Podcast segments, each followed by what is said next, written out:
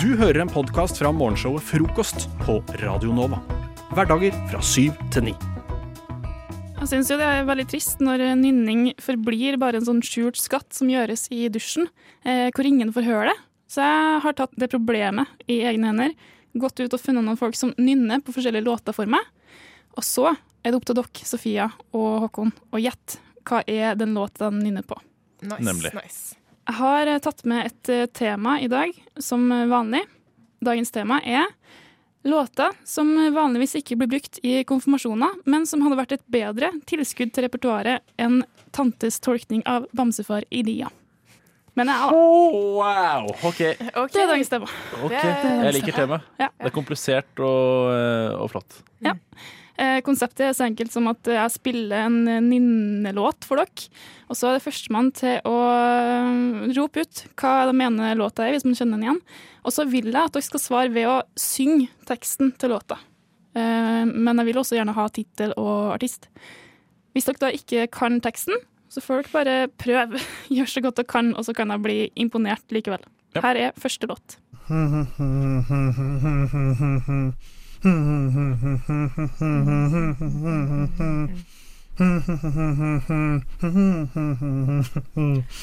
Work, work, work, work, work.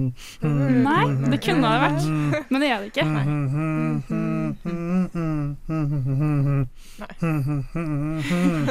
Ikke veldig gjenkjennelige navn. Ikke i det hele tatt. Ikke den der heimebanen. Det var det ikke. Den Nei. Det er det ikke. Hæ? Orkester? Det er sånn orkester Nei?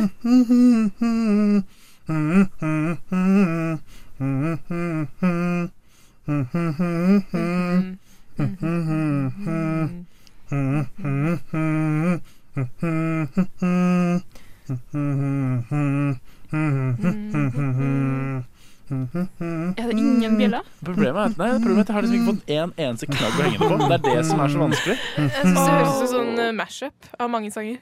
For det er ingenting dere liksom tenker at det kunne ha vært heller. Nei, Hvis jeg prøver, hvis jeg prøver den inn, da. Na-na-na-na-na, na-na-na-na, na-na-na-na. Og kan jeg ikke noe mer, egentlig. Ja. For det, akkurat den delen hørtes litt kjent ut. Det er litt- men, litt ABBA-aktig melodi, men Mm, eh, nei, da er vi helt på bærtur. Okay. ok. nei, dere ha fasiten?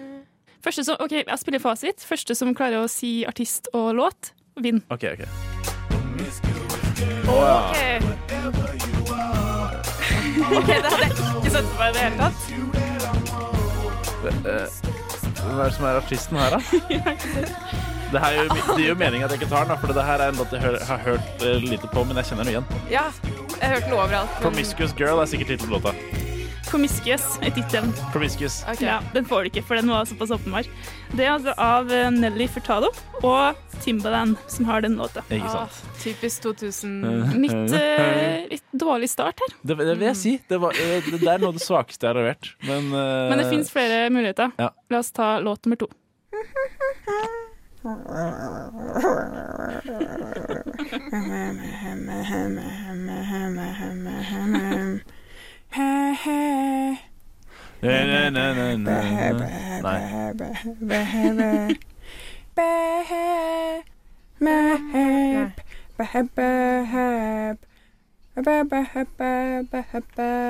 Å ja, ja. Det er- er ABBA. ABBA. Mani, Money, money, money er det. Ja, Eh, før det. det- det- Før det. det- det- det- Money, money. Always funny. Helt riktig. Um, det poenget går til Håkon. Det var tross alt du som calla låta. Ja. Money Heter den Money eller Money Money, Money money, Money? Money, money, money. money Money, komma, money, komma, monna. Monna, faktisk. Money, money, monna. av ABBA der også. Da er det foreløpig ett poeng til Håkon. Du har en siste mulighet, eh, Sofia, til å ta igjen. Gir nesten litt opp. Ja. Nei, jeg skal ikke gi opp. Jeg skal ikke gi opp. Ikke gi opp, for den låta her er verdt ett og et halvt poeng. Ho, ett og et halvt poeng. Åh, det er så jævla dårlig.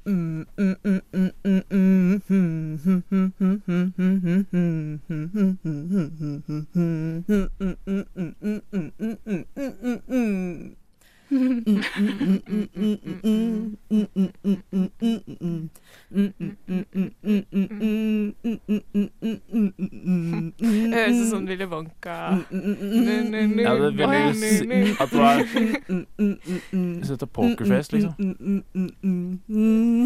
Det er det ikke, kan jeg avsløre. Nå kommer den delen som er mest avslørende. That's for me, come on girl, shake that ass for me. Shake for me, shake that ass for me. Oh yeah, shake Ja. Vet du hvem som har den, Håkon? Og hva heter den? Nei. Uh, er det Justin Timberlake? Jeg kan med på den. Eminem? Eh, Eminem, det er riktig. Shake that. Å ja, det er den gamle der, ja. Å, shit. Men det, altså, det var du som kjente den igjen, Håkon. Ja. Så du Har ikke Justin. Timberlake en shake et eller annet låt? Og shake der? Åh, er det ikke låt? veldig mange som altså, Sånn sett så har jo også alle har eh, shake. Taylor Swift har jo også en shake et eller annet. Shake it, shake it off, er det? ikke sant? Det er så mange shake-låter. Men eh, altså, dessverre, Sofia, det er hardt å melde det, men det var homerun til Håkon i dag. Kan jeg, ikke, kan jeg få et halvt poeng fordi uh, jeg gjetter Eminem? Ja, du, du kan få 0,25. Hvis det gjør det du kan få et halvt poeng, men det er fortsatt to og et halvt til Håkon og et halvt til deg. Ja, det går bra. Bedre lykke neste gang.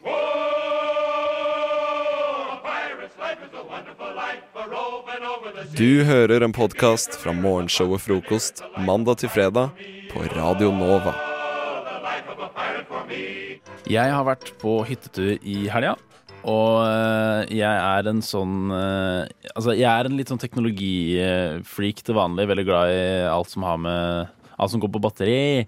Eh, Batteri? Og, eller, eller strømkabel. I hvert fall, Jeg liker teknologi og omgir meg mye med det. Eh, når jeg først tar meg ferie, så er jeg glad i å liksom eh, legge det litt vekk. Eh, det være seg eh, telefon, Mac eh, Det være seg alt, egentlig. Ja, litt Eh, detox. Litt detox. Um, og bare ha det litt på avstand. Eh, telefon har man med, men ha det på avstand. Og eh, jeg var da på um, en fjelltur nå i helga. Eh, og da var planen å eh, ja, telte, hytte, bål, sånne type ting. Fikk gjennomført mye av det. Men det var helt sinns... Altså, det er helt sinnssvakt med vind eh, oppå fjellet den ene dagen. Det var, du kunne lene deg langt på vinden. Kunne stå ganske med med mye av vekta i fritt fall, men bli tatt imot av vinden. Som en Oi. slags kald omfavnelse. Wow. Kjempenydelig. Ja. Eh, det jeg tenkte eh, Det er ikke så lett for meg å gjenskape denne følelsen for dere. Eh, ettersom at jeg hadde jo ikke med meg Jeg filma jo ikke, jeg gjorde ingenting. Men jeg tenkte at vi to, Sofia, vi skulle prøve å spille ut det scenarioet. Eh, at, vi, at vi nå Nå skal vi være vloggere. OK. Vi skal være vloggere opp fjellet. Eh, og det er scenario Vi starter da midt i fjellsida, Ja. og vi er nesten runda toppen. Eh, altså Du får gå slakt over toppen, og så kommer vi helt opp på toppen eh, av fjellet. Eh, og så skal vi dokumentere reisen. Og da er målet vårt nå er at vi skal klare å sette opp eh, Vi skal klare å tenne bål, og vi skal klare å sette opp et telt. Det er målet vårt nå. Ja. Vi tenkte vi skulle improvisere det ut. Okay. Så kanskje du klarer å få litt av den følelsen jeg hadde på fjellet denne helga. Er, er du med meg? Yes. OK. OK. Da går vi, da går vi. Da går vi. Nå er vi Ja. snart oppe på toppen. At det begynte å blåse friskt her nå, Ja, men ja. ja. Oh. Skulle tatt på en ekstra jakke. Hvorfor gjorde jeg ja, ikke jeg tror bare vi skal lukke igjen her, for jeg har sånn der åpning på sida. Oh. sånn, ja. ja. Ja, åh. Nei, eh, så eh, hei alle dere hjemme. Nå er vi altså på, eh, Ja. eh, på Veglefjell. Eh, nå skal vi snart sette opp eh, telt her oppe, håper vi. Ja, ja, ja. Eh, Det er planen. Og så skal vi grille. Hva var, det, hva var det du hadde med mat igjen? Skulle grille på bålet? Ja, vi skulle, jeg har tatt med litt sånn halloumi, faktisk. Litt sånn halloumiost, som jeg har marinert i Så olje. det, så det blir i Sofias mathjørne etterpå, som ak spalten du er vant med. Denne gangen på fjellet her i Vegli. Yes, yes, yes. Jeg tror, vi nå, jeg tror toppen er rett over kanten her. Ja, OK, OK. ok. Vi får bare gå litt til, da. Ja, Men Fy fader, her blåser det! shit. Ja, OK. Oi. Nå, nå føler jeg nesten at jeg kan fly. Vi må Åh! OK, vi fortsetter å gå. Nei, vi, må, nei, vi, må, vi må få opp teltet her nå. Ja, Kan du Kan du fikse det? jeg, Eller, jeg må ha hjelp! Kan, kan du Ta, stag, ta teltstanga. jeg holder den nå. Ja, skal Rød skal inn i rød, ikke inn i gul. Men det er ikke noe gul her. Det er en Det er en Det er et hull! Det er et hull på siden av Hva sier du? Hæ? Hva flyr? Hvor er du? Håkon, jeg kan ikke se deg.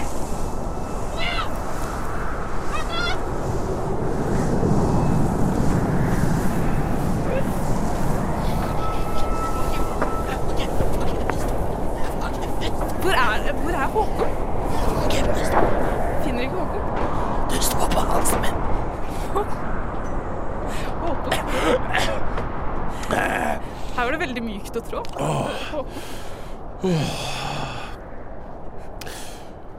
Skal vi fyre opp bål, eller? Ja, OK. Ja, det var du. Nei, vet du hva, jeg tror vi må gå ned. Det, går, det, okay. det er umulig. Vi må gå ned. OK, vi prøver. Eh, et hakk. Yes. Så eh, sånn slår man opp telt på vidda. Eh, vi takker for oss. Eh, vi ses tilbake i studio i Oslo. Du hører en podkast fra morgenshow og frokost mandag til fredag på Radio Nova. Gjør dere klare for etiske dilemmaer, som er spalten hvor jeg tar opp etiske dilemmaer. Jeg har ikke helt eh, funnet på et navn enda. Men som i de fleste gode tegnefilmer, så har jeg to gode hjelpere på hver skulder. Som skal To på hver skulder? Ja. I- To på hver skulder. Fire? Nei. Vi har eh, to gode hjelpere, én på hver skulder, som skal hjelpe meg å diskutere hva som er rett og galt. Disse to engel er engel og djevel. Noen dilemmaer er tatt ut av eget liv, eh, andre er basert på ren sympati fra andres liv.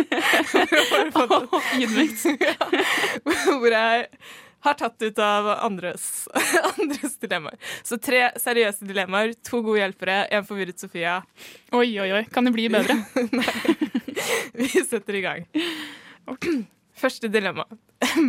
Jeg skal rekke eh, et viktig møte. Trafikklyset på andre siden av gata bruker fryktelig lang tid, og det føltes ut som om den har vært rød i over eh, fem minutter. Hva gjør jeg? Krysser veien på rødt eller ikke? Snurr debatt. Sofia, du må jo være en god medborger. Vi har eh, trafikkregler for en eh, grunn. Det er grønt, det er gult, og det er rødt. Og når det er rødt, så skal du vente, Sofia. Du skal være et godt eksempel for andre, som kanskje ikke har et så godt indre moralsk kompass som det du har.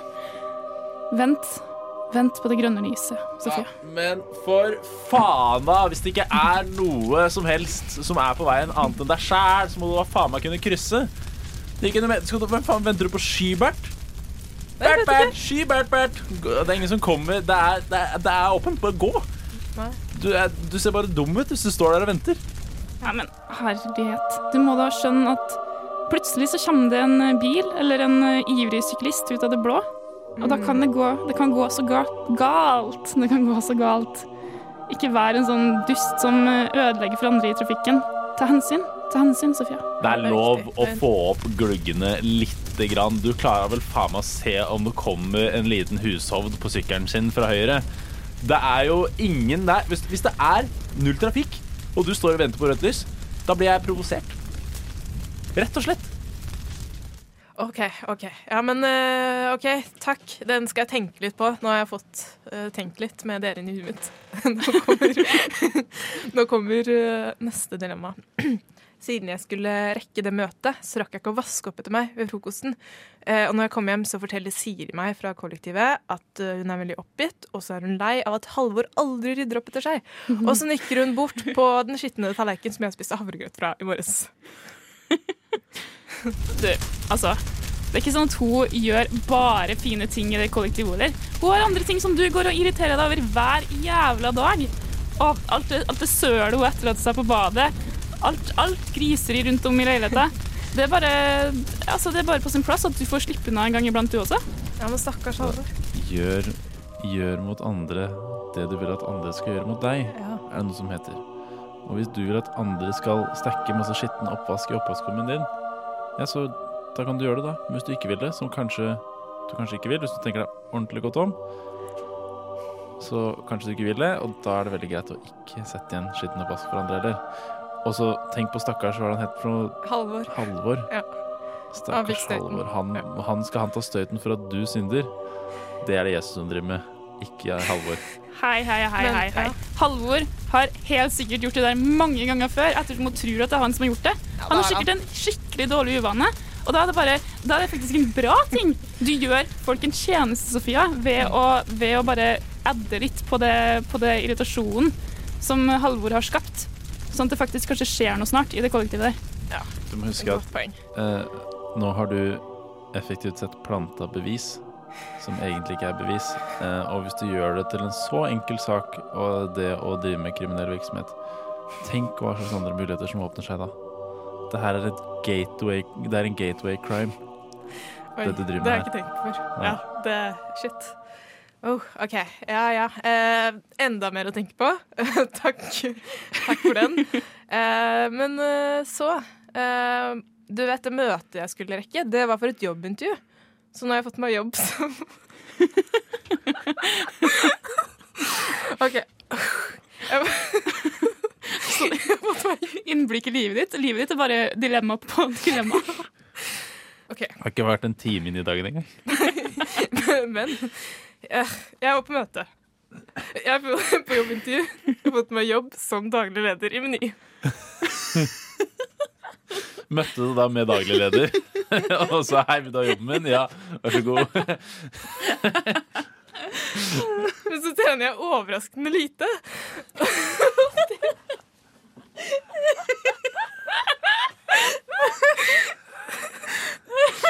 Og hvor kommer dilemmaet inn i bildet her?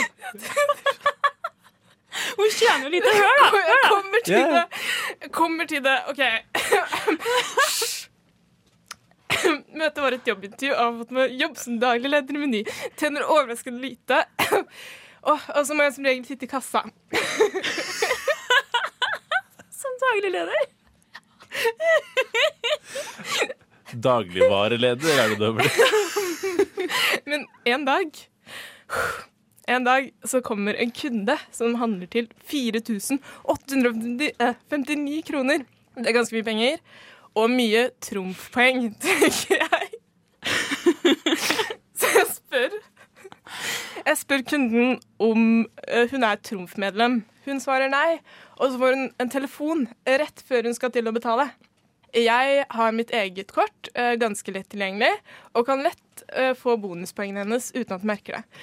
Dessuten er det torsdag, som betyr trippeltrumf-torsdag. Sofia, du kan jo ikke gjøre det. Du er dagligvareleder. Du er ansiktet utad for hele Meny. Hele Meny. Du må være det beste eksempelet som finnes for hele Butikk-Norge. Mm. Og da må du gi dem, trum, øh, dem poengene til den snille dama som har handla for masse penger. sjuk i huet, eller? Her har du en gyllen mulighet til å spe på den forferdelige drittlønna di du har som daglig leder i kassa på Meny. Eh, er du, du, du, er, altså, du er rett og slett komplett idiot hvis du lar den sjansen gå fra deg. Det er, det, det er så lett. Det er så lett. Og de kommer jo ikke til å merke noe. De merker jo ikke de om du har fått de trumfpoengene, det er hun som får de. Det er jo ett fett for de. Noen skal jo ha disse poengene. Ikke sant? Det kan jo like så godt være deg. Men Sofia, Ja. du vet at det er så mange ledere som tjener høye lederlønner. Mm. Og da er det viktig at du kan være en av de få lederne i Norge som har luselønn. Ja. Det er kjempeviktig for samfunnet. Ja. Og da kan ikke du drive og bare få poeng i hit og pine. Da blir, jo, da blir du jo rik. Mm. Det kan vi ikke ha noe av. Kan vi ikke det? Det er jo sånn at bedrifter i mange sammenhenger må ha lederskikkelse som tjener mer, for at folk som er under, har noe å streve etter. Ja. Hvis man Ja. har lyst til å jobbe seg oppover i kjeden, så må man ha et mål. Og hvis målet er å få dårligere lønn og måtte jobbe i kassa som daglig leder, så er da vel faen ikke du noen motivasjon for de ansatte. Nei. Derfor så syns jeg du burde ta trumfpoengene. Vet ikke helt hvorfor det har noen sammenheng, men allikevel, du må karre til deg det du kan få, så du kan møte opp med en litt middels sportsbil til jobben, sånn at folk tror at du har masse penger. OK. Ja. Yes. OK. Ble det noe klokere? Jeg tror jeg ble litt klokere. Du hører Hører en podkast. Podkast med frokost. Frokost på Radio Nova. Radio Nova i verdensrommet V Verdensrommet?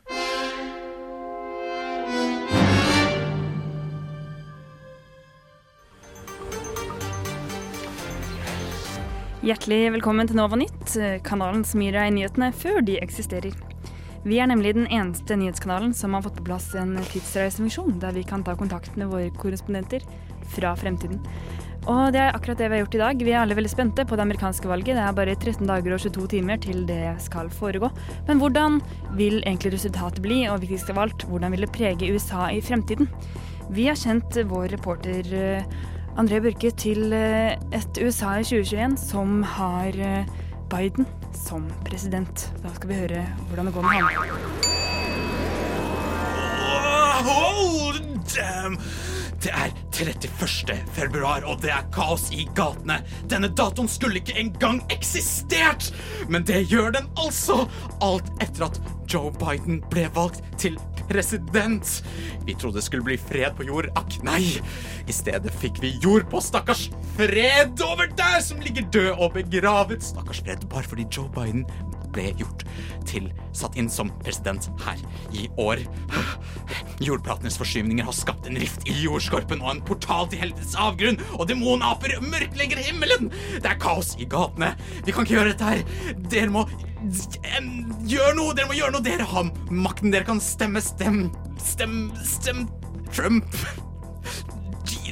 Ah, Nei, AKV. Hadde bare Trump blitt valgt.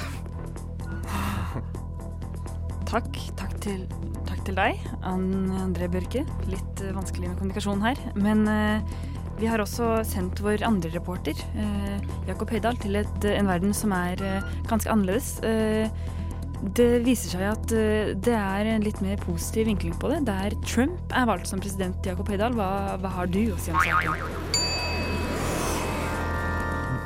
Ja, takk for det, Sigrid. Sigrid, eh, vi, har, eh, vi er direkte inne fra Washington her. Eh, Etter thrilleren under valgkampen i 2020 vant Trump overlegent med 69% av stemmene. Han har, han har skapt velferdsstaten USA alltid har ønsket å bli. Våpen flyter ikke i gatene, men det er trygt plassert i alles hylstrer i beltet. Det er få ting som sier sivil når jeg ser på gaten i Washington, noe som ble lovet av Trump da man ikke vant valget. Trump har lagt koronaviruset flatt siden våren har kommet med varme, og koronaviruset har forsvunnet naturlig av årsaker. Sleepy Joe Biden klamrer seg fortsatt fram til poststemmene som blir fortsatt talt, og godtar ikke underlaget. Det ser ut som postsystemet i USA har lagt seg flate og er nå erklært Joe Bidens postsystem, uansett om Donald Trump sier dette ikke er tilfellet. Wow. Det er altså mye spennende å se fram til i 2021. Her eh, på Nova Nytt takker vi for oss. Vi skal ikke fortelle deg hva du skal stemme, men eh, vi skal fortelle deg hva som ikke har skjedd helt enda.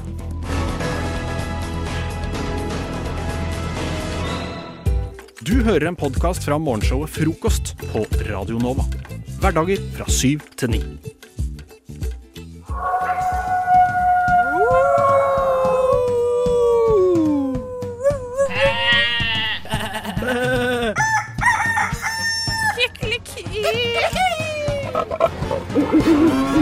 Dyrelydmesternes mester.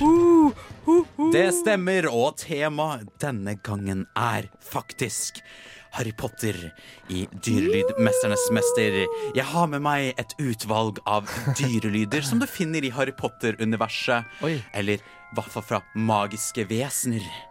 Og dere skal altså prøve å etterligne disse dyrene. Men dere får ikke fasiten først. Nei, nei, nei. Dere skal gi meg fasiten, og så får dere fasit-fasiten av meg etterpå. Jeg er er superkjempenervøs, jeg har vært med på det her før, og jeg var kjempedårlig i det. Og det var en liten sånn selvtillit- selvtillitsknekk. Du syns det? Og når jeg da, i tillegg eh, Harry Potter som er, jeg vet, Du forventer liksom men Sigrid kan litt mer av det her, fordi jeg har så sterke følelser rundt det Jeg her tenkte at dette var liksom uh, din greie, ikke sant? Men det er på en måte jeg har ikke Harry Potter-dyrelyder som ringetone. Jeg er ikke der Du var, enda. kjøpte ikke du på sånn, ø, sånn Donald-blad og sånne ting? Ja, har det med meg fra eh, klapptelefonen min. Text, text uh, 9172 to 1920 to get uh, the owl from Harry Potter to your phone. Uansett, det som det skjer nå, er at dere, jeg skal gi dere dyrelydene. Det jeg skal si hvilket vesen det er, og så skal dere prøve å gi meg den lyden. Ikke sant? Har dere forstått konseptet? Ja. ja Absolutt. ikke sant? Og så skal jeg kåre en dyrelydmesters mester denne dagen. Og det er altså fra regjerende dyrelydmesters mester som skal gjøre det, fordi jeg er selvfølgelig best i dette her. Eh, den første dyrelyden som dere får, det er hippogriff. Hippogriff. Hvordan høres den ut? Ah, hippo, hippo. Jakob bare hiver seg på og mener at den høres sånn ut. Det høres sånn ut, ja. En gang til. Men det er ikke sånn den høres ut. For hvordan er den den høres ut? Oh, ok. Jeg tror den er litt mørkere, kanskje. Du får ikke komme med alle lyder i verden. Nei, Du må nå var faktisk ditt, Du har kommet med ditt bidrag, Jakob. Ja, er- Vet du hva? Ja. Nok er nok. Sånn her høres altså Buckbeak ut. Du, det var jo bra. Det var ganske Jeg synes jeg var ja, lik. ja, ja, jeg synes du er, du, du er nærme. La oss høre den altså, en gang til, fordi den varte bare sånn to sekunder. OK, sånn. Der. Prøv, prøv å etterligne den nå, da. Veldig bra, Sigrid. Takk. Den andre lyden altså dere skal få prøve dere på, er pixie. En pixie. Det er de alvene i toeren. De blå alvene som uh, Gyllen... Gyllen... Gyllenløv. Gyllenløv. Nei, gyll- gyll- Gyllengall. Gyllengall. For lenge, lenge siden jeg har lest den boka. De pixiene, hvordan er det, lyder er det de lager? De blå små som de, han bare slipper løs på klasserommet. Sånn, sånn lyd tror jeg den lager. Ekte lyd. OK. Sånn, jeg skal stoppe han tidlig der. Ok, ok, shit. Vet du hva? Eh, Sigrid, jeg syns du er eh, nærmest eh, denne gangen her eh, også. Eh, og fordi pixier, de høres sånn her ut.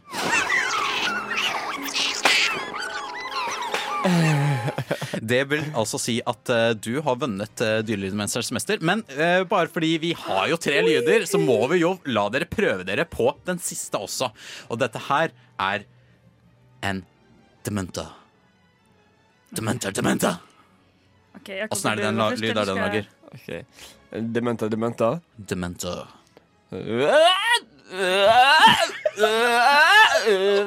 Ta Neste lyd Nei,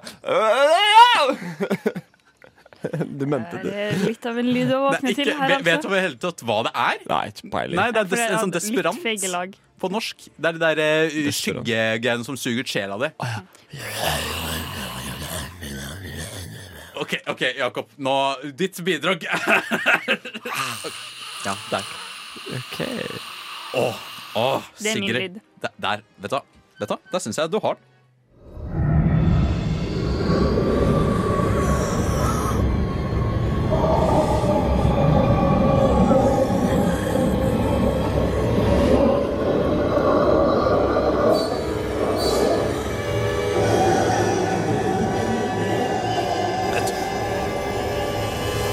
Jeg syns det var jævligere når jeg ikke så filmen, jeg, å høre på det der. Jeg beklager eh, du som hører på dette her. Det Og, og, er og, tøft å våkne til at sjela di blir sugd ut. ja, det, det, det. Men Sigrid, du vant altså Dyrlydmesterens mester. Så du er ikke så dårlig som du skulle ha det til sjøl. Altså. Dette er en podkast fra frokost på Radio Nova.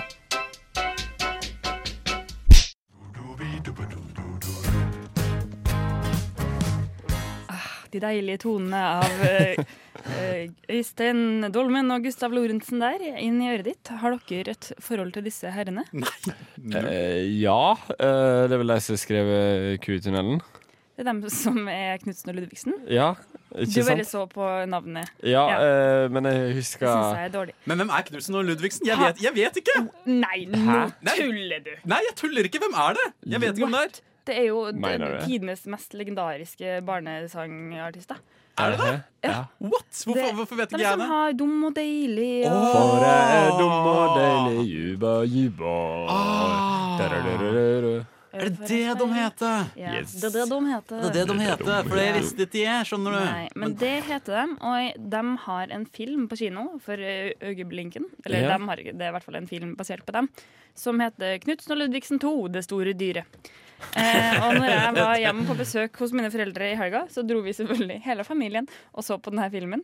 Eh, var eh, de eneste som ikke hadde med seg barn, ja. Det var- Eh, Åh, eh, vet det må neie, ass. Det er blir lov, ikke det. noe alkoholskjenking på den kinoen. For Ingen sånn. alkoholskjenking. Jeg tror jeg var den eneste i 20-åra. Men det står jeg for. Og eh, det som var, jeg merka mest med denne filmen, er at det er jo ikke bare en barnefilm. De har jo masse elementer som passer til voksne også. For eksempel så er Mm. liksom hovedkvarteret til hun onde liksom, det er Munch-museet. Og eh, eh, masse sånne artige små ting for de voksne. Nye eller gamle Munch-museet? Eh, nye, Det selvfølgelig. nye, ja. Mm. ja. Og eh, så har de også en scene i den legendariske sangen 'Ku i tunnelen', eh, som har en ganske absurd tekst.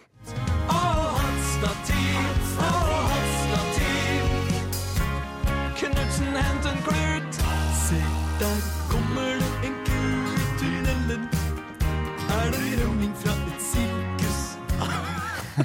Veldig rar tekst. Det må ha vært Steinas når jeg Ja, for det er akkurat det.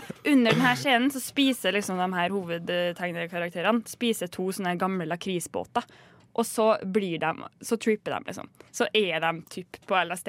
Og det, alt blir Det får masse farger, og, og de ser liksom som de begynner å skjelve, og de ser bare hverandre, de er helt fokusert, og alt blir veldig sånn psykedelisk eh, og Oi. sånn. Og alle voksne sitter der og ser på sånn mm, Ja, ja. Og barna sitter og ler og koser seg. Ja. Og det som var litt interessant der, var at jeg leste en artikkel om at det her, anmeldelse om denne filmen. Og Ok. der sier en psykolog uh, har sagt til New York Times at barn opplever verden som en psykedelisk opplevelse. Hæ? Og at uh, de på mange måter er på en trip hele tida. What? Nei, Så- what? Hæ? Ja, fordi at det er så, sånn, de tar inn så mange farger og tar inn så mye uh, syn fra verden. Og så tenker jeg sånn Har da alle barnesang- og barnebokforfattere benytta seg av denne kunnskapen?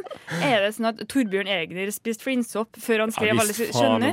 Ja, men det, det, det får man til å tenke. Fordi det jeg tenker på da er jo eh, sånn der, Ja, fordi mange, alle inntrykk jeg opplevde som barn, de var jo mye sterkere enn det der nå. All smak, lukt og liksom farger. Alt var, alt var mer sånn vivid når jeg var barn. Det, synes, det mener jeg Det Ja, var det fordi Hvis du, virkelig. ser, hvis du som eh, eh, barn ser den filmen, så ser du bare i farger og gøy. Men hvis Ja. du som voksen ser den, så ser du to karakterer som spiser masse lakrisbåter. Ja. Å, mye sukker i dem! Ja, ja. Oh, føler meg litt rar. Ui. Ja, ja. Å, Hele verden går inn i en transe. Eh, så det er jo altså, sånn veldig tydelig at her er det Her, oh, her trippes det. Shit. Men uh, jeg bare lurer på hvor mange av våre liksom, kjente og kjære legendebarnebokforfattere som har bare vært sånn helt ut av det. High out of their minds når Ja. de skrev Vi har jo liksom Alice in Wonderland. Da. Det er Ja, jo ja. Ja, den, den er obvious. Det er obvious Og sånn i. Dumbo. Ja, ja. Eh, Fy faen. Men det er masse barnefilm og masse ting som har har sånne elementer i seg, syns Ja, jeg. bare Man se begynner å på- tenke og grave i det. Uh, Pokémon. uh, Pokémon, ja. Det var det, det, det, det tricka jo uh, epilepsi på mange hundre tusen Ja, det gjorde det. Det var faktisk en episode i Pokémon som trigga epilepsi på folk, så de måtte d trekke den tilbake. Så den er ikke med i denne offisielle lista lenger. Det, det er faktisk helt sinnssykt. Ja, Altså, uh, men apropos epilepsi, også den uh, i London-reklama for OL, den også trigger epilepsi. Seriøst? Ja. Typisk. Ganske kul. Podkast. Hæ? Podkast? Hva sier du? Podkast med frokost. Christian og Lisa, i morges så Da jeg gikk på vei hit til eh, studio på Chateau Neuf, så hørte jeg et uh, lite skrik. Eh, og det skriket, det har dere helt sikkert før, hørt før, dere òg. Å, nå ble jeg spent. Eh, og dere skal få lov til å høre det. det er fra en låt som er veldig, veldig, veldig kjent. Nå forventer jeg meg et legit skrik, tatt, altså lydopptak per mobil, at du har vært ute. Det At du har, gå- at du har gått forbi liksom, en eh, eh, knivstikking. Det høres jo Og- ut som det. Bare hør her. Ja, nå ble jeg faktisk, nå ble jeg faktisk veldig skuffa. Unnskyld, jeg så skuffelsen på begge to. Nei, men hvilken sang Men også, det er også fordi det er veldig intetsigende. Fordi du sier 'ja, dette har dere hørt før', og det kan jeg ikke si at jeg har gjort. Altså. Ja, for hvil- hva, hva er det her for noe? Det er en kjempekjent låt, eh, og hvis jeg eh, Jeg kan legge den her, jeg. Det er jo Er det, like, er det like skuffende? La oss, Kanskje. høre, la oss høre det lille skriket en gang Hør til. det lille skriket en gang til.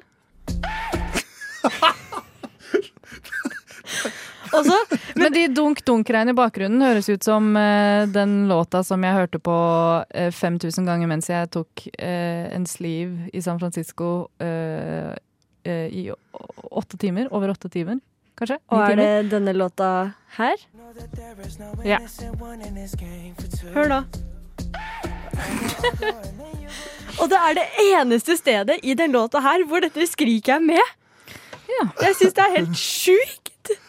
Å, Christian, du ser så skuffa ut. Nei, nei, men det, det er mer at den låta har, altså, 'Sorry' av Justin Bieber er ikke en låt jeg har et veldig, veldig nært uh, forhold til. Men det er jo en låt som alle har hørt, enten frivillig eller ufrivillig, ganske mange ganger. er det ikke det? Jo, og i og med at det bare kommer én gang i låta. Fordi det er, altså, det er, jeg har ikke bitt meg merke i noe annet i låta enn uh, 'Is it too late now to say sorry'? Hvis det låt, skriket hadde kommet der, så hadde jeg liksom kanskje kunne hørt det. Men nå, hver gang du hører på Stories, kommer du til å høre det her. Men kan jeg bare få Det si høres ut som du prøver å ta brekksladd. Kan jeg bare få si at da du eh, sa at du skulle fortelle oss om et lite skrik som du hørte, så sa jeg eh, å, tenk om jeg har hørt det samme skriket som du har hørt. Ja, hvilket jeg- skrik har du hørt, Jeg, Lisa? jeg har hørt midt på natta mens jeg har sovet i tung, tung rus. Eh, så, så hadde jeg vinduet mitt åpent, jeg glemte å lukke det, og eh, da hørte jeg noen eh, skrike utafor vinduet mitt. Da hørte jeg en, en mannlig stemme som skreik 'hjelp'! Hjelp! Og det har ikke jeg hørt i Hjelp meg! Du må hjelpe meg! Og så hørte jeg liksom forskjellige stemmer, menneskestemmer, så jeg tenkte ok, nå er det en gruppe folk der ute, for dette var jo natt til søndag. Um, så jeg tenkte dette er sikkert bare en full person. Og så tenkte jeg hm, men altså kanskje, kanskje jeg kan jo satse på at uh, han får hjelp av disse menneskestemmene. Eller så kan jeg prøve å uh, bli edru. Sove ut rusen. ja, bare snappe ut av uh, hva nå enn jeg hadde i meg. Var du noen ganger på tanken det kan ha vært noen stemmer inni hodet mitt nå fordi du er full? Du skulle ropt hjelp tilbake. Ja. Hjelp Det er jeg som trenger hjelp! Hjelp!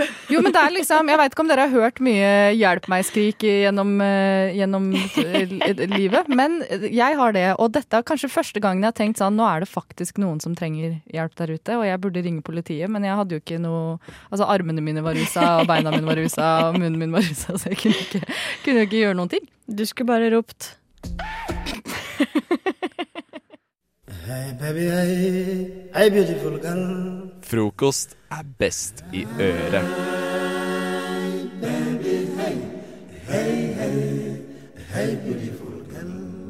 De 100 siste timene vil jeg nesten si er litt over det, fordi Uh, det jeg har brukt veldig mye av tida mi på siden onsdag, det er P3-aksjonen. Det er noe jeg har likt å drive og se på.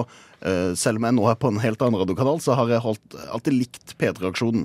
Og alt det crazy de har, finner på. du har fulgt med på det, og så har du snappa om det. Ja, ja. Uh, men det er fordi jeg, jeg, har- jeg har brukt ganske mye tid ja, altså Jeg har holdt igjen veldig mye. Jeg har hatt ganske mange snaps som jeg har sittet på, og så har jeg tenkt å kommentere liksom på ting og tang. Og det er det det som skal skje nå, kulminerer i.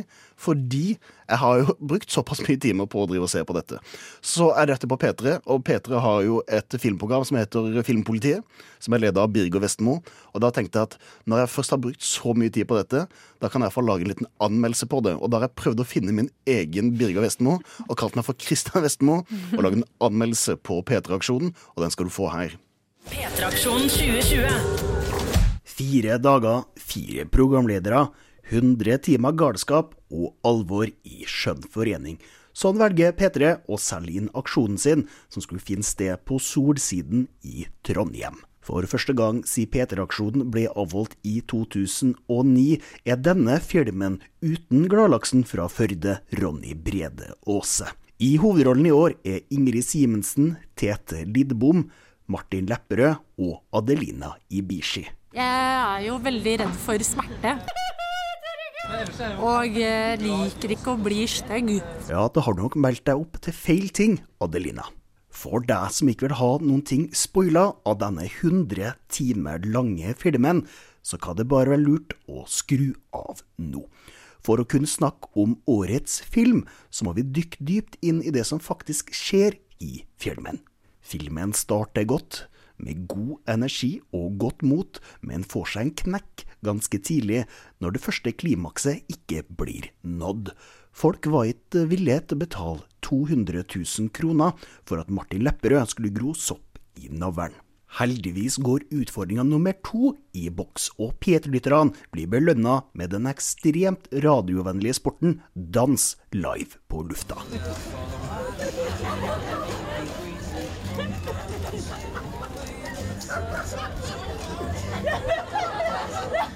Martin Lepperød gjør en god figur i dansen, i hvert fall sett opp mot synginga hans når han henger i taket iført fiskekroka i ryggen. Leien! Don't it down. I know they're watching. Yeah!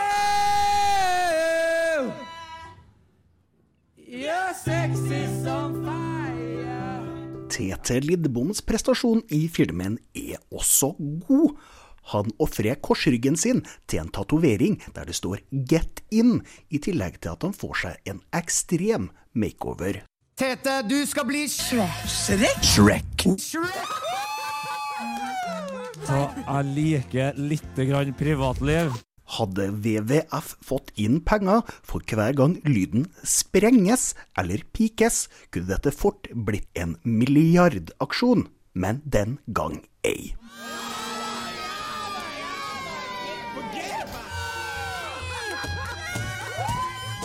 Er det Get In? Det er Get In! Ella Marie, du har spist 200 gram med melkesjokolade! Det var såpass, ja. Ja, det var det, Martin. Om du ikke vil vite hvordan filmen slutter, eller bare vil beholde hørselen, så er du nå blitt advart. Hva er summen P3-aksjonen 2020 har klart å samle inn?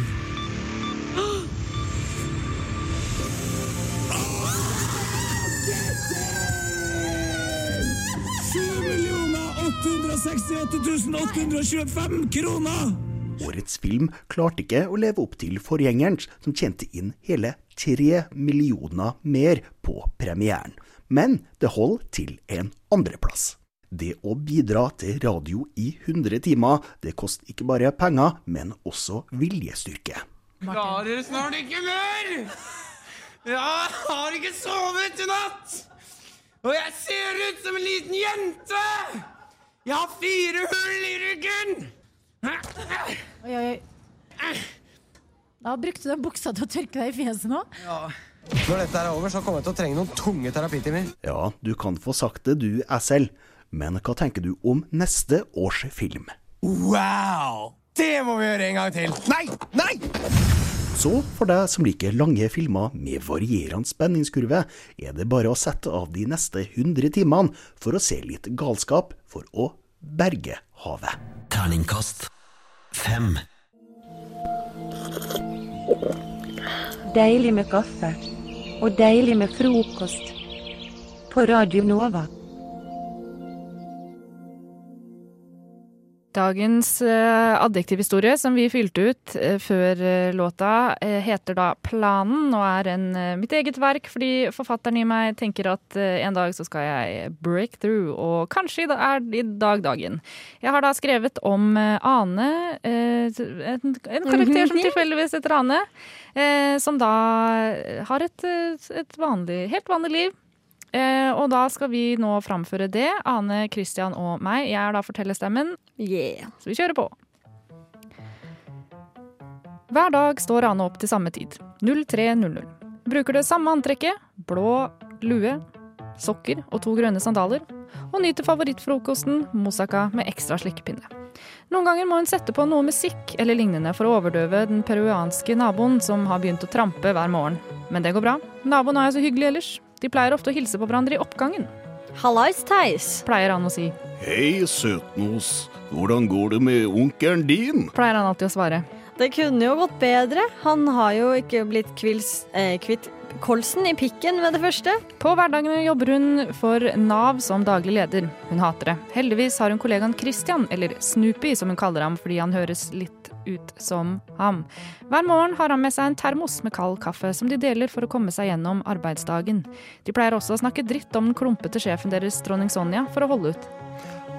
Har du hørt at hun har kjøpt seg et nytt jernrør her om dagen? Wow, hvorfor det? Nei, hun er vel ikke bra etter skilsmissen. Hun fikk jo tross alt bare 14 kroner og alle ballene. Resten gikk vel til ekskona. Overrasker meg ikke. Kan eh, ikke se for meg at det er lett å være sammen med henne. Du vet at hun liker å ligge i senga? Og ånden hennes lukter alltid sleiv. Det må jo være noe galt med henne. Plutselig lyser ansiktet til Christian opp. Og jeg har en idé. OK. Jeg syns det er på tide at vi får smake sin egen medisin. Ane gisper. Hvordan da? Gjett. Njet, si det. Gjett. Kommer ikke på tale, si det! Christian smiler lurt. Her er et hint. Mikrofoner. Pikkete mikrofoner. Han gisper igjen om å lene seg på en sofa. Å, faen! Please, si at du er med. Hvis ikke forteller jeg alle at du er en prostituert. Ane blir paff som en potet. Hun tenker Du har et stygt fjes til å være så pen. Ane, vurderer du dette på ekte? Kom igjen, snusken! Hva sier du? Spør Christian. Prøv spør Christian å rekke fram hånda. Ane nøler, men det er vanskelig å si nei til den spisse kollegaen sin. Er du sikker på at du ikke blir tatt? Sikker som salmiakk. Faen heller, jeg er med. Hun tar ham i hånda og sier Yeah, boy. Christian jubler. Yay. Og nå gjenstår det bare å legge en plan. Fortsettelse følger. Oi, oi, oi! For en utvikling. Det å si at ting er sikkert som salmiakk, det er noe jeg skal begynne å bruke i dagligtalen. Ja, fy faen. Jeg er spent på fortsettelsen, jeg. Ja, hva betyr uh, pikkete mikrofoner? Det blir spennende. Det er den største cliffhangeren av uh, de alle. Det er bare å passe deg, dronning Sonja. Her kommer Ane og Christian. Radio Nova. Er du sint, Alex? Du sinna? Rasende. Rasende. Ja, for nå har vi sittet og hørt på dritsinna låter og vært dritsinna fordi jeg har eh, gitt deg en oppgave. Du. Du skal være sint på ompotting av planter. Jeg jeg er så sint. Du er dritsint. Jeg er dritforbanna på alt og alle som har med ompotting av planter å gjøre. Og du skulle, du skulle rante om bibliotekarer? Ja, de jævla fucka jeg hater det. Nå er det, nå er det sinna nå er det sinna stemning. Kom igjen! Ikke noe, selv, ikke noe selvbevissthet her nå, Hedda. Har du lyst til å være sinna først? Skal jeg være sinna først? Ja. Det kan jeg godt gjøre. OK, er du klar? Det er én ting som provoserer meg, men som mainstream-media ikke tør å ta tak i, og som hele den caffè jævla PK Ring 3-eliten bare skifler under teppet. Ompotting av planter er det største waste av krefter, hjernekapasitet, jord, vann og kalorier. Hvorfor er det automatisk sånn at bare tomatplantene mine har blitt høye nok, så er det plutselig en eller annen gudgitt rett på å bli flyttet over i en større potte? Bare ah, gi meg mer jord. Ah, mer nitrogen i økosystemet rundt meg. Ah, mer vann. Ah, kan du bare omfatte meg i perioden februar-mars? Vet du hva, tomatplante, du er et rasshøl, og jeg tar ikke ordre fra deg! Ja! ja. Hei til alle dere små omfatte planter. Uh, lykke til med det. Ok, nei, men Vi holder på den sinna stemninga. Ja! Ok, her er min ode til bibliotekaren. Kjære bibliotekar, faen! Hvem faen er det du tror du er? Hæ? Du sitter bare bak den jævla skranka di og tror at du er noe fordi du kan lese. For fucking newsflash! Skal jeg si hvem andre som kan lese? Seksåringer. Skal jeg si hva seks- seksåringer? De tisser på seg. Tisser du på deg, bibliotekar? Fy faen! Og vet du hva? Er den bibliotekaren som stengte meg ute på Farsund bibliotek fordi jeg aldri leverte tilbake boka mi. Fuck you! Som ga meg 900 kroner i, i, i, i regning fordi jeg ikke leverte tilbake Henrik Ibsen. You know what? Hvem vil lese Henrik Ibsen? Henrik Ibsen er død, bitch! Fuck you!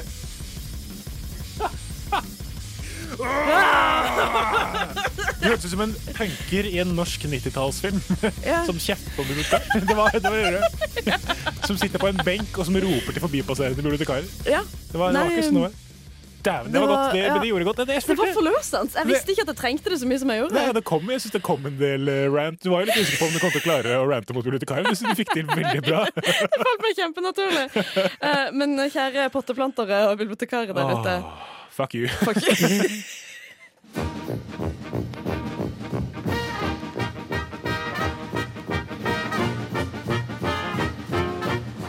jeg har lidd av Ja, først har jeg operert for nyresten, gallesten og blindtarm i buken og svulst i underlivet. Så har jeg hatt tre ganger mavesår og en halvdød skjoldbruskkjertel og syv dårlige skiver i ryggen. Og så har jeg hatt hjerteinfarkt to ganger og angina pectoris én gang og sukkersyke. Og nå er jeg bra. Radio Nova. Hopper der andre hinker. Et spørsmål jeg spør, stiller meg sjøl hver eneste dag, det er kan det pikkes? Mitt første hunch er jo at det meste kan pikkes. Ja. Ja. Det er jo da, er det pikking som Hva, hva legger du i ordet pikking? Jeg skal Eller pikke ut øynene kan det- dine. Kan det pikkes? Er liksom, kan det plukkes ute? Nei. eh, Eller er det faktisk pe- kan penises? PIKK. Kan det pikkes? Eh, ja.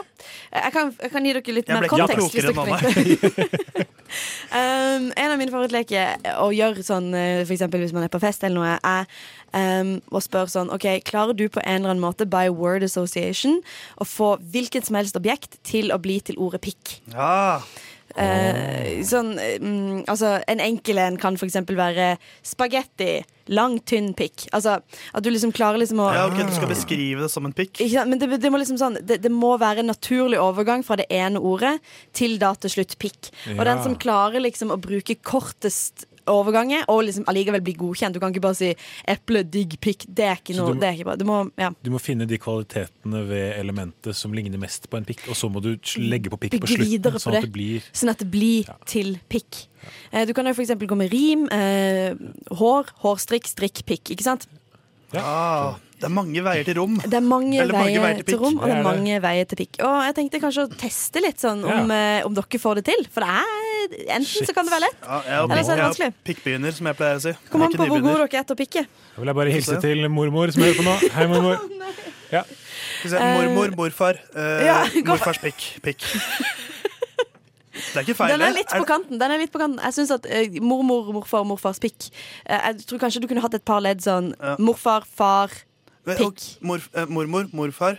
Eh, ereksjonssvikt, pikk. Der er vi.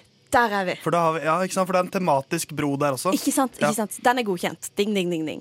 Anders, du kan Ja. prøve deg på eh, telefon. Telefon. Eh, Den er lett. Firkantet svart pikk. ja, nei. Ja, nei, det Nei, det det- er greit, det. til legen, ass. Jeg tenkte- Ja, firkant, det er, det er dødt. Telefon, dick, pikk, pick. Ja, jeg tenkte telefon, telefonsex. Mm. Eh, Onani. Å ja, du trenger ikke jeg, helt Nå tenkte jeg jeg går på objektet med en gang. Jeg trodde jeg objektifiserer over en lav sko. jeg. Nei, det kan være, en, det kan være, det kan Å, være så mangt. Eh, okay. Tess, hva med eh, lysbryter? Lysbryter. Let's turn the lights down low. Sex, pikk. Veldig bra. Godkjent. Ding, ding, ding. Her er du god, Theis. Jeg, jeg merker jeg tenker veldig historiebasert. Jeg, jeg er ikke så god på den objektdelen. Nei. Men jeg, jeg tar Tematikk, den tar du. Det er sånn, ja. Tannregulering, Anders. Uh, eh, Å, den følelsen når du ikke klarer å få forklare en liten pikk. Ikke gi deg! Kom igjen! eh, Heia, eh, Anders! Regulering eh, munn, munnsex, pikk. Yes! Det var det jeg venta på. Det er godkjent. Det er godkjent. Det er Ok, Skal vi ta en siste Ja. til dere på rappen? Ok, eh, T-skjorte, Theis. Nå blenker jeg. Kom igjen. T-skjorte Kom igjen, Theis. Uten bh. Synlige nipler. Jeg ser hvor du vil. Ereksjon, pikk. Ah, det, blir sånn, det er jo meg som har oppfordra til dette, så jeg kan liksom ikke bli sur på Ja, dere. det- dette er Jeg på kan ikke deg, bli ass. sur på dere heller. mormor ringer meg etterpå, når mormor ringe meg etterpå så Unnskyld, skylder jeg på. Hedda. Unnskyld, mormor. Unnskyld, Shit. mormor. Kommer morfar til å Eh, si, ringe meg og bli sur for at jeg hevder at han ja. Hei! OK, du skal få siste nå. Eminem. Eh, eh, mann, pikk. Det enkle er ofte det beste, altså. Frokost i øret. Akkurat sånn jeg liker det. Mm.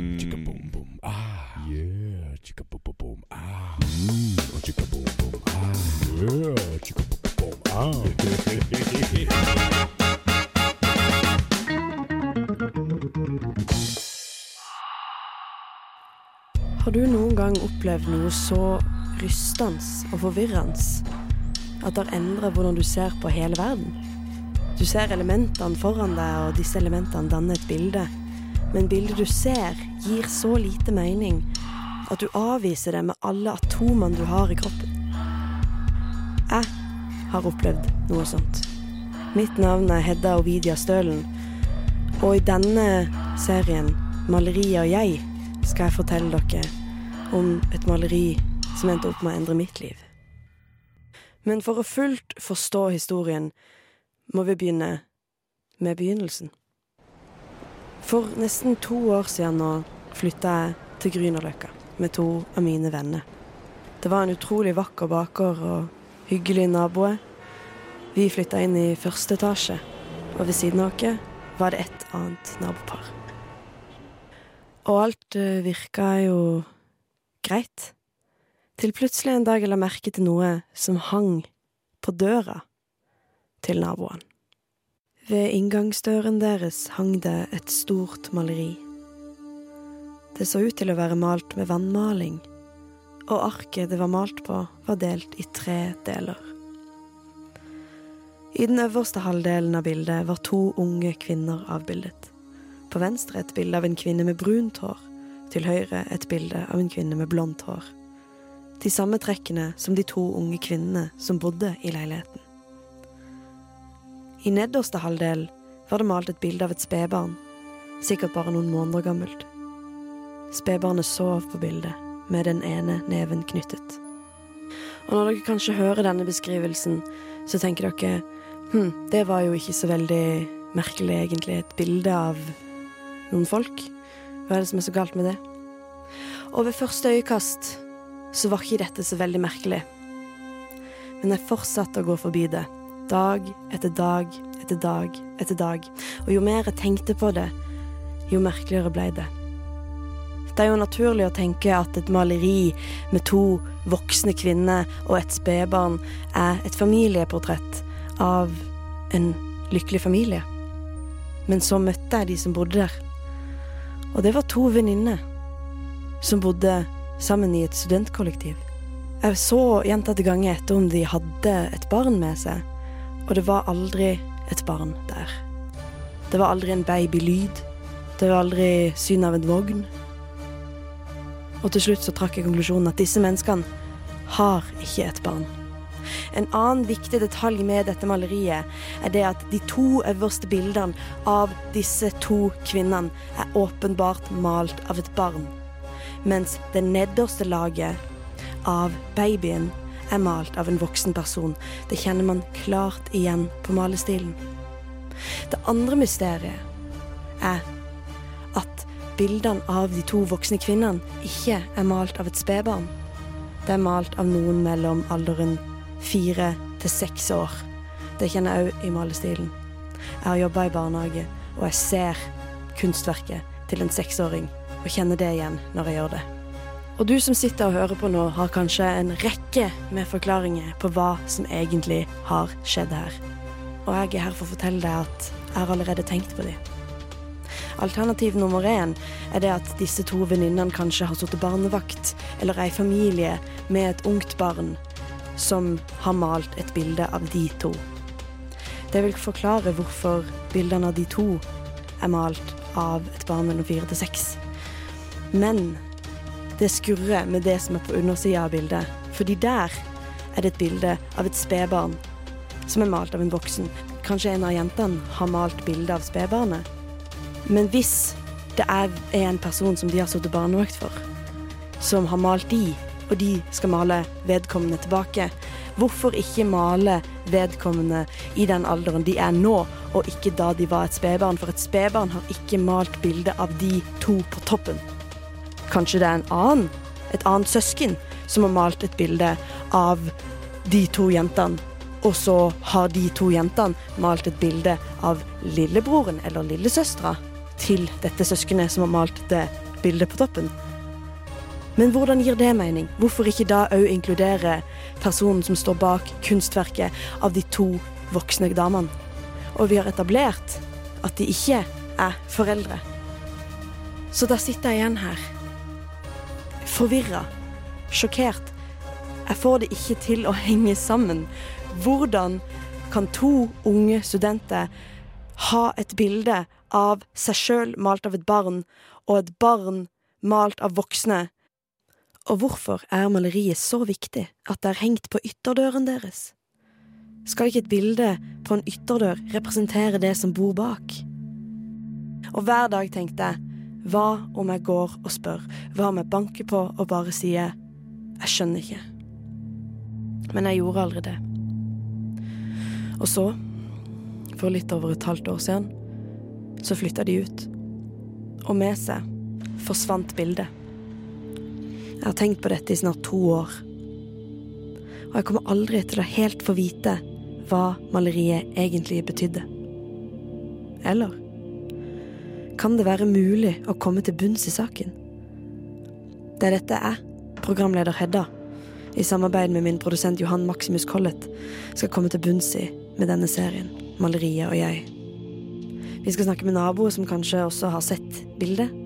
Vi skal prøve å gjenskape maleriet, og vi skal prøve å tolke hver detalj av kunsten som endra alt. Og kanskje, til slutt, kan vi komme til bunns i det store spørsmålet. Hva er egentlig greia med maleriet og jeg?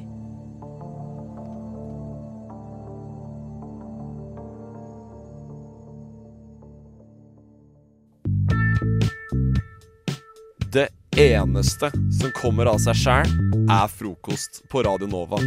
Alle hverdager fra sju til ni.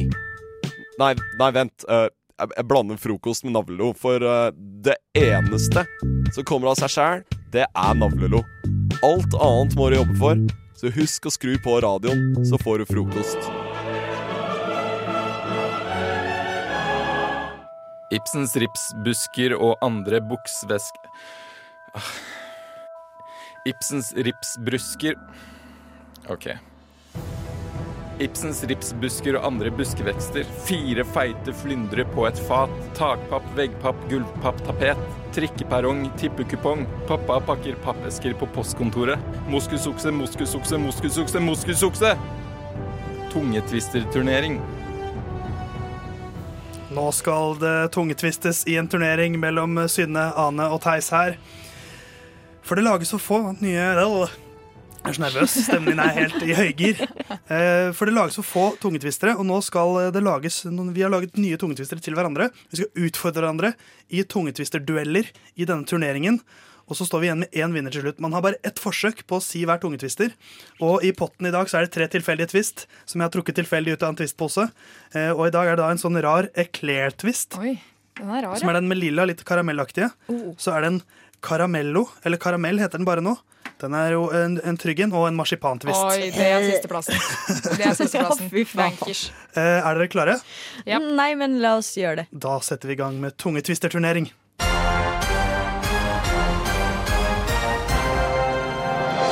Og eh, aller først ut så er det Ane mot eh, Synne. Så da vil jeg at eh, Ane, du skal begynne med Synnes tungetvister. Og du får noen sekunder på deg nå til å lese gjennom denne tungetvisteren. Så har du ett forsøk på deg. Du får bare ett forsøk idet du begynner å snakke noe, annet. Så kommer ditt forsøk på Synnes tungetvister. Så er det jeg, den, den, den da som ikke deltar i duellen, avgjør hvem som vinner. Mm. Jeg har drukket for mye Monster. Vi prøver. Njåls jomring jomer gjallende gjennom Jorunns Gjertsens gylne jorder. Jaggu gjemte jammen Gjertsen Njåls njål. Ja, gjennomført! Det var et solid forsøk, syns jeg. Men det var litt, du stotret litt på slutten, og avslutningen var ganske svak.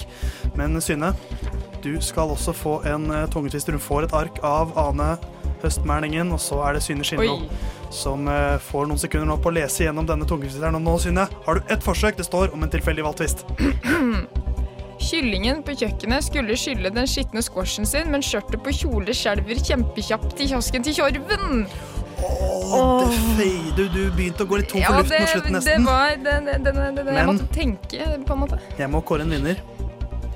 Og det var såpass stotring mot slutten, Ane, at Synne tar den. Ja, det er greit. Det er det eneste jeg kan si. Men da, Ane, er det deg mot meg. Og da tenkte jeg at kanskje jeg skal få begynne. Det kan du godt.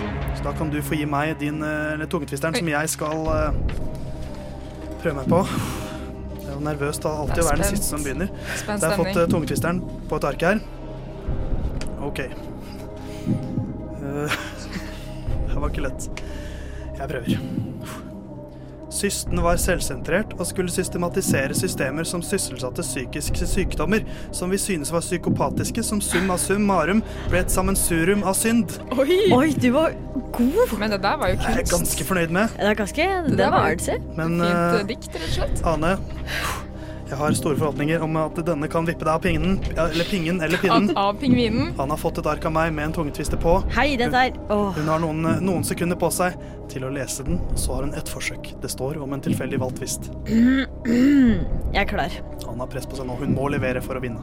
Harkene hostet høstmeldingen i arket. Morten Harket hektet hengende takfast og takfast fra taket fra haken. Fankeren. Synne, hva sier du? Nei, det, det blir fort uh, Theis i dag, altså. det blir det. fort det. Yes! Men da har vi jo en finale her, Synne. Hvor det er deg mot meg. Og vinneren får uh, Det er litt peking i studio, og det er mye logistikk som skal løses her. Vinneren her, Synne, får førstevalget på Twist-fronten. Ja. Så enkelt er det. Og da er spørsmålet hvem skal begynne. Eh, jeg vet ikke hvem som skal begynne. Skal du begynne? Jeg kan begynne. Du skal begynne, du. Jeg skal begynne. Jeg, får arket av Synne. Nå har jeg noen sekunder på meg. Å, herregud. Det er alltid like rystende, det her. Jeg rekker jo ikke å lese gjennom, jeg må bare begynne. Riksantikvaren ante rask rikdom i Riksarkivets antikviteter. Riktig raus var rikets antikke riksantikvar riktignok ei. Oi, oi, oi. Nølte litt på midten der, men jeg, jeg, men det var bare fint. jeg er Altså. ganske fornøyd. OK, Synne, vær så god. Du får arket av meg. Dette er den avgjørende tungetvisteren. Hun ler. Synne skinner hos en sjølsynte skinnpung skinte, skjærende skjønt, skjærende som skjørtkledde skinner sjæl, sj- skjøt slapp unna. Ah, jeg syns vi, vi leverer ganske godt begge to, men det, er litt, det var litt stotring fra begge to. Så Ja, det var litt stotring fra begge to. du skal bestemme. Det er altså Alle får én twist hver, men den som vinner, får bestemme først. Det står mellom en clear twist, en karamell-twist og en marsipan-twist. Ane, hvem er det som får eh, sitt twistvalg først? I dag så øh, syns jeg at uh, Theis, du var den som stotret minst, altså. Så du går av med seieren i dag. Yes! Tungetvister-kongen! Han velger seg, til deres glede kanskje, marsipantvisten. For en twist! For en Han twist. elsker marsipan. Det er en twist av de sjeldne. Så du, Synne, får velge mellom karamell og eclair-twisten. Jeg Hvilken vil du prøver ha? meg på den rare Eclair-twisten. Da blir det karamelltvist på deg, Anne.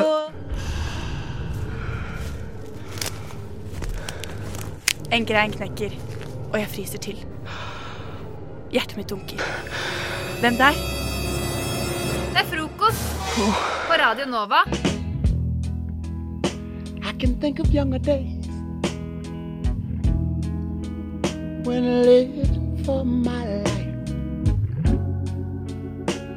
was everything a man could want to do. Synne og Theis eh, fikk for eh, kort tid siden i oppgave av meg å analysere eh, Hva kan man si? Altså mitt eh, idols eh, store låter. Eh, jovial og Pinne for landet. Vi snakker selvfølgelig om Freddy Kalas. Eh, og dere har jo da analysert. Eh, aller først så skal vi få et lite gjenhør med Jovial, og så, Synne, så vil vi gjerne høre din analyse av denne låten. Jepp.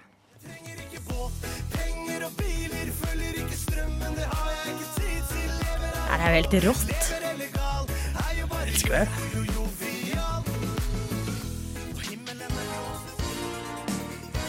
Ja. Eh, jeg har selvfølgelig glemt Jeg trodde at det bare var jeg trenger ikke både penger og biler før Riksstrømmen. Det har jeg ikke tid til. Så det er det jeg har analysert. Jeg har gått for budskap. Dette er Freddys hyllest til hans foretrukne politiske ideologi, anarkokapitalisme. Utsagnet er todelt. Første ledd, trenger ikke båt, penger og biler, er en kritikk mot alle fattige og dårligere stilte i samfunnet, som Kalas mener ikke skal få ett rødt øre av staten. Han mener nemlig dette med penger er noe man må skaffe seg med nebb og klør, og hvis du ikke har det i deg, nei, da verken trenger eller fortjener du noe som helst. Med fortsettelsen, altså følger ikke strømmen, da har jeg ikke tid til, sender Kalas et stikk mot sosialisme og ikke minst hans verste fiende, kommunisme. I Freddys anarkokapitalistiske idealsamfunn er fellesskap, i dette tilfellet omtalt som strømmen, historie. I sum mener Kalas at fattige folk suger, penger skal være fritt fram, intet skal reguleres og anarkokapitalismen skal seire. Fattige folk suger. Yep. Det er vi alle enige om. Praise, Freddy. Hail, hail. Uh, Theis, du fikk også i oppgave å analysere Pinne for landet. Freddy Kalas, la oss uh, få et gjenhør med den uh, slageren. Bageren. Åh.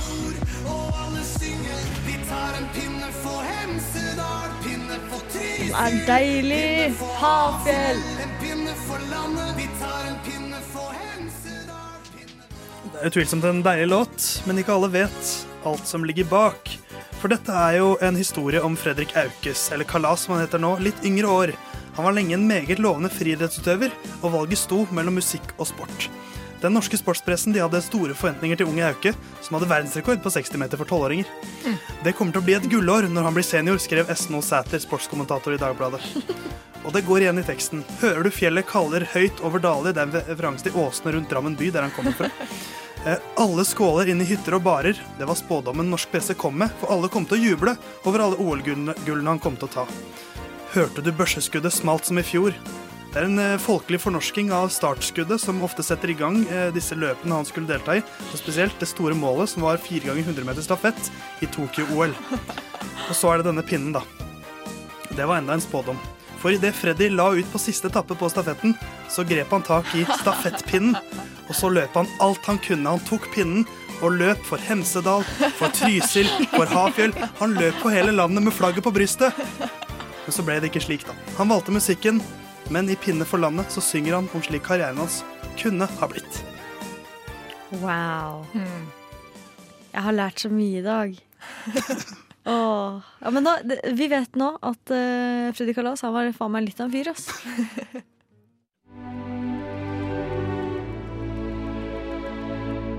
Mine herrer, vi stanser ikke før det blir natt. Hva med frokosten? Dere har allerede spist den. Vi har hatt én, ja. Men hva med den andre frokosten? Jeg tror ikke han kjenner til den andre frokosten, Pip. Hva med formiddagsmat, lunsj, ettermiddagsmat, middag og kveldsmat? Han kjenner til de, gjør han ikke det? Jeg vil ikke regne med det. Han har nok bare hørt om frokost på Radio Nova. Pippin! Jeg har blitt ført bak lyset av en ansatt på Deli de Luca. I dag? I dag. Allerede? I dag allerede, før klokka sju. For nå skal dere høre her. Jeg sitter her med noe av det styggeste eh, av logoarbeid jeg har sett i hele mitt liv. Se på den energidrikken her. Oi, det er en slags uh, Er det en Det slags ridderhjelm som er grønn og rød? De har klart å lage en ridderhjelm av to r-er. Veldig kult. da, Bruke liksom forbokstaven i Og så lager man noe med det. Det heter Rain Total Body Fuel Melon Mania. For jeg Er det så morsomt? Kan du bare si det navnet en gang til? For det er det morsomste jeg har hørt. Rain Total Body Fuel Melon Mania. Jeg er, ikke- jeg er ikke så god på sånn kul, mørk stemme. Ah, klassisk melonmania. Ja, men i alle fall, det sto eh, eh, Jeg skulle kjøpe meg energidrikk. Det var mange folk på 7-Eleven, så da gikk jeg på Deli Luca. Nei, Narvesen. Ja, samme det. Men i alle fall, eh, så, så står det noen energidrikker der. Jeg kjøper jo alltid Monster, men tenkte, vet du hva, kanskje vi skal Jeg føler meg litt sånn, litt sånn ko-ko i dag. Litt av melonmania i dag. Ja, jeg kjenner at jeg er litt eh, melonmanisk i dag, rett og slett. Så jeg prøvde meg på noe annet. Og da var det, det var de her stygge, da. Og så står det eh, to for 59. Og så tenker jeg ja, men herregud, det er jo et heidundrende tilbud. Fordi en monster koster jo typ 40 spenn. Så jeg, da rasker jeg med meg to. Som allerede er litt flaut og rart, egentlig. Men så går jeg til kassa. Eh, og hun, hun piper dem inn, da. Og så står det Jeg står litt lenge og ser på den prisen her, for der står det 63 kroner. Men jeg, jeg har jo ikke så god hukommelse, jeg, så jeg husker jo ikke hva det sto på det tilbudet. Så jeg betaler. Så, og, så, og så går jeg bare tilbake der når jeg er ferdig, og så bare for å se så vidt på hva den prisen egentlig var. Det var sånn, ja, det var, eh, det var 59, ja. Men eh, det, det som plager meg her, er ikke det at jeg egentlig måtte betale 63 kroner. Det er det at tilbudet var jo dritt. ikke sant? Det er jo fire kroner. Jeg trodde jeg hadde spart eh, 20 spenn eller noe sånt, men det var bare fire. Det, altså, det er så mye å ta tak i her. Melmania. Eh, melonmania. Ja, Og, og veit dere hva jeg hørte på gjennom hele den greia her? Eh, melonrelatert eh, låt, det kom jeg ikke på. Nei, jeg hørte på Å, det er så flaut. Jeg hørte på russmusikk. Sånn skikkelig sånn Sånn jævla Tix Shaken, eh. Nei, ikke sånn sånn soppskyrebygge, sånn din jævla fitte denge trynet ditt-musikk. Og det, blir, det er klart den blir sint da. Her sies det ting som aldri har blitt sagt Ja, før. unnskyld, det er eh, unnskyld. soppdenging og det som er her. For de der ute, eh, Synne, som kanskje har lyst på samme energidrikk, kan du si navnet én gang til? Rain, Total Body Fuel, Melon Mania.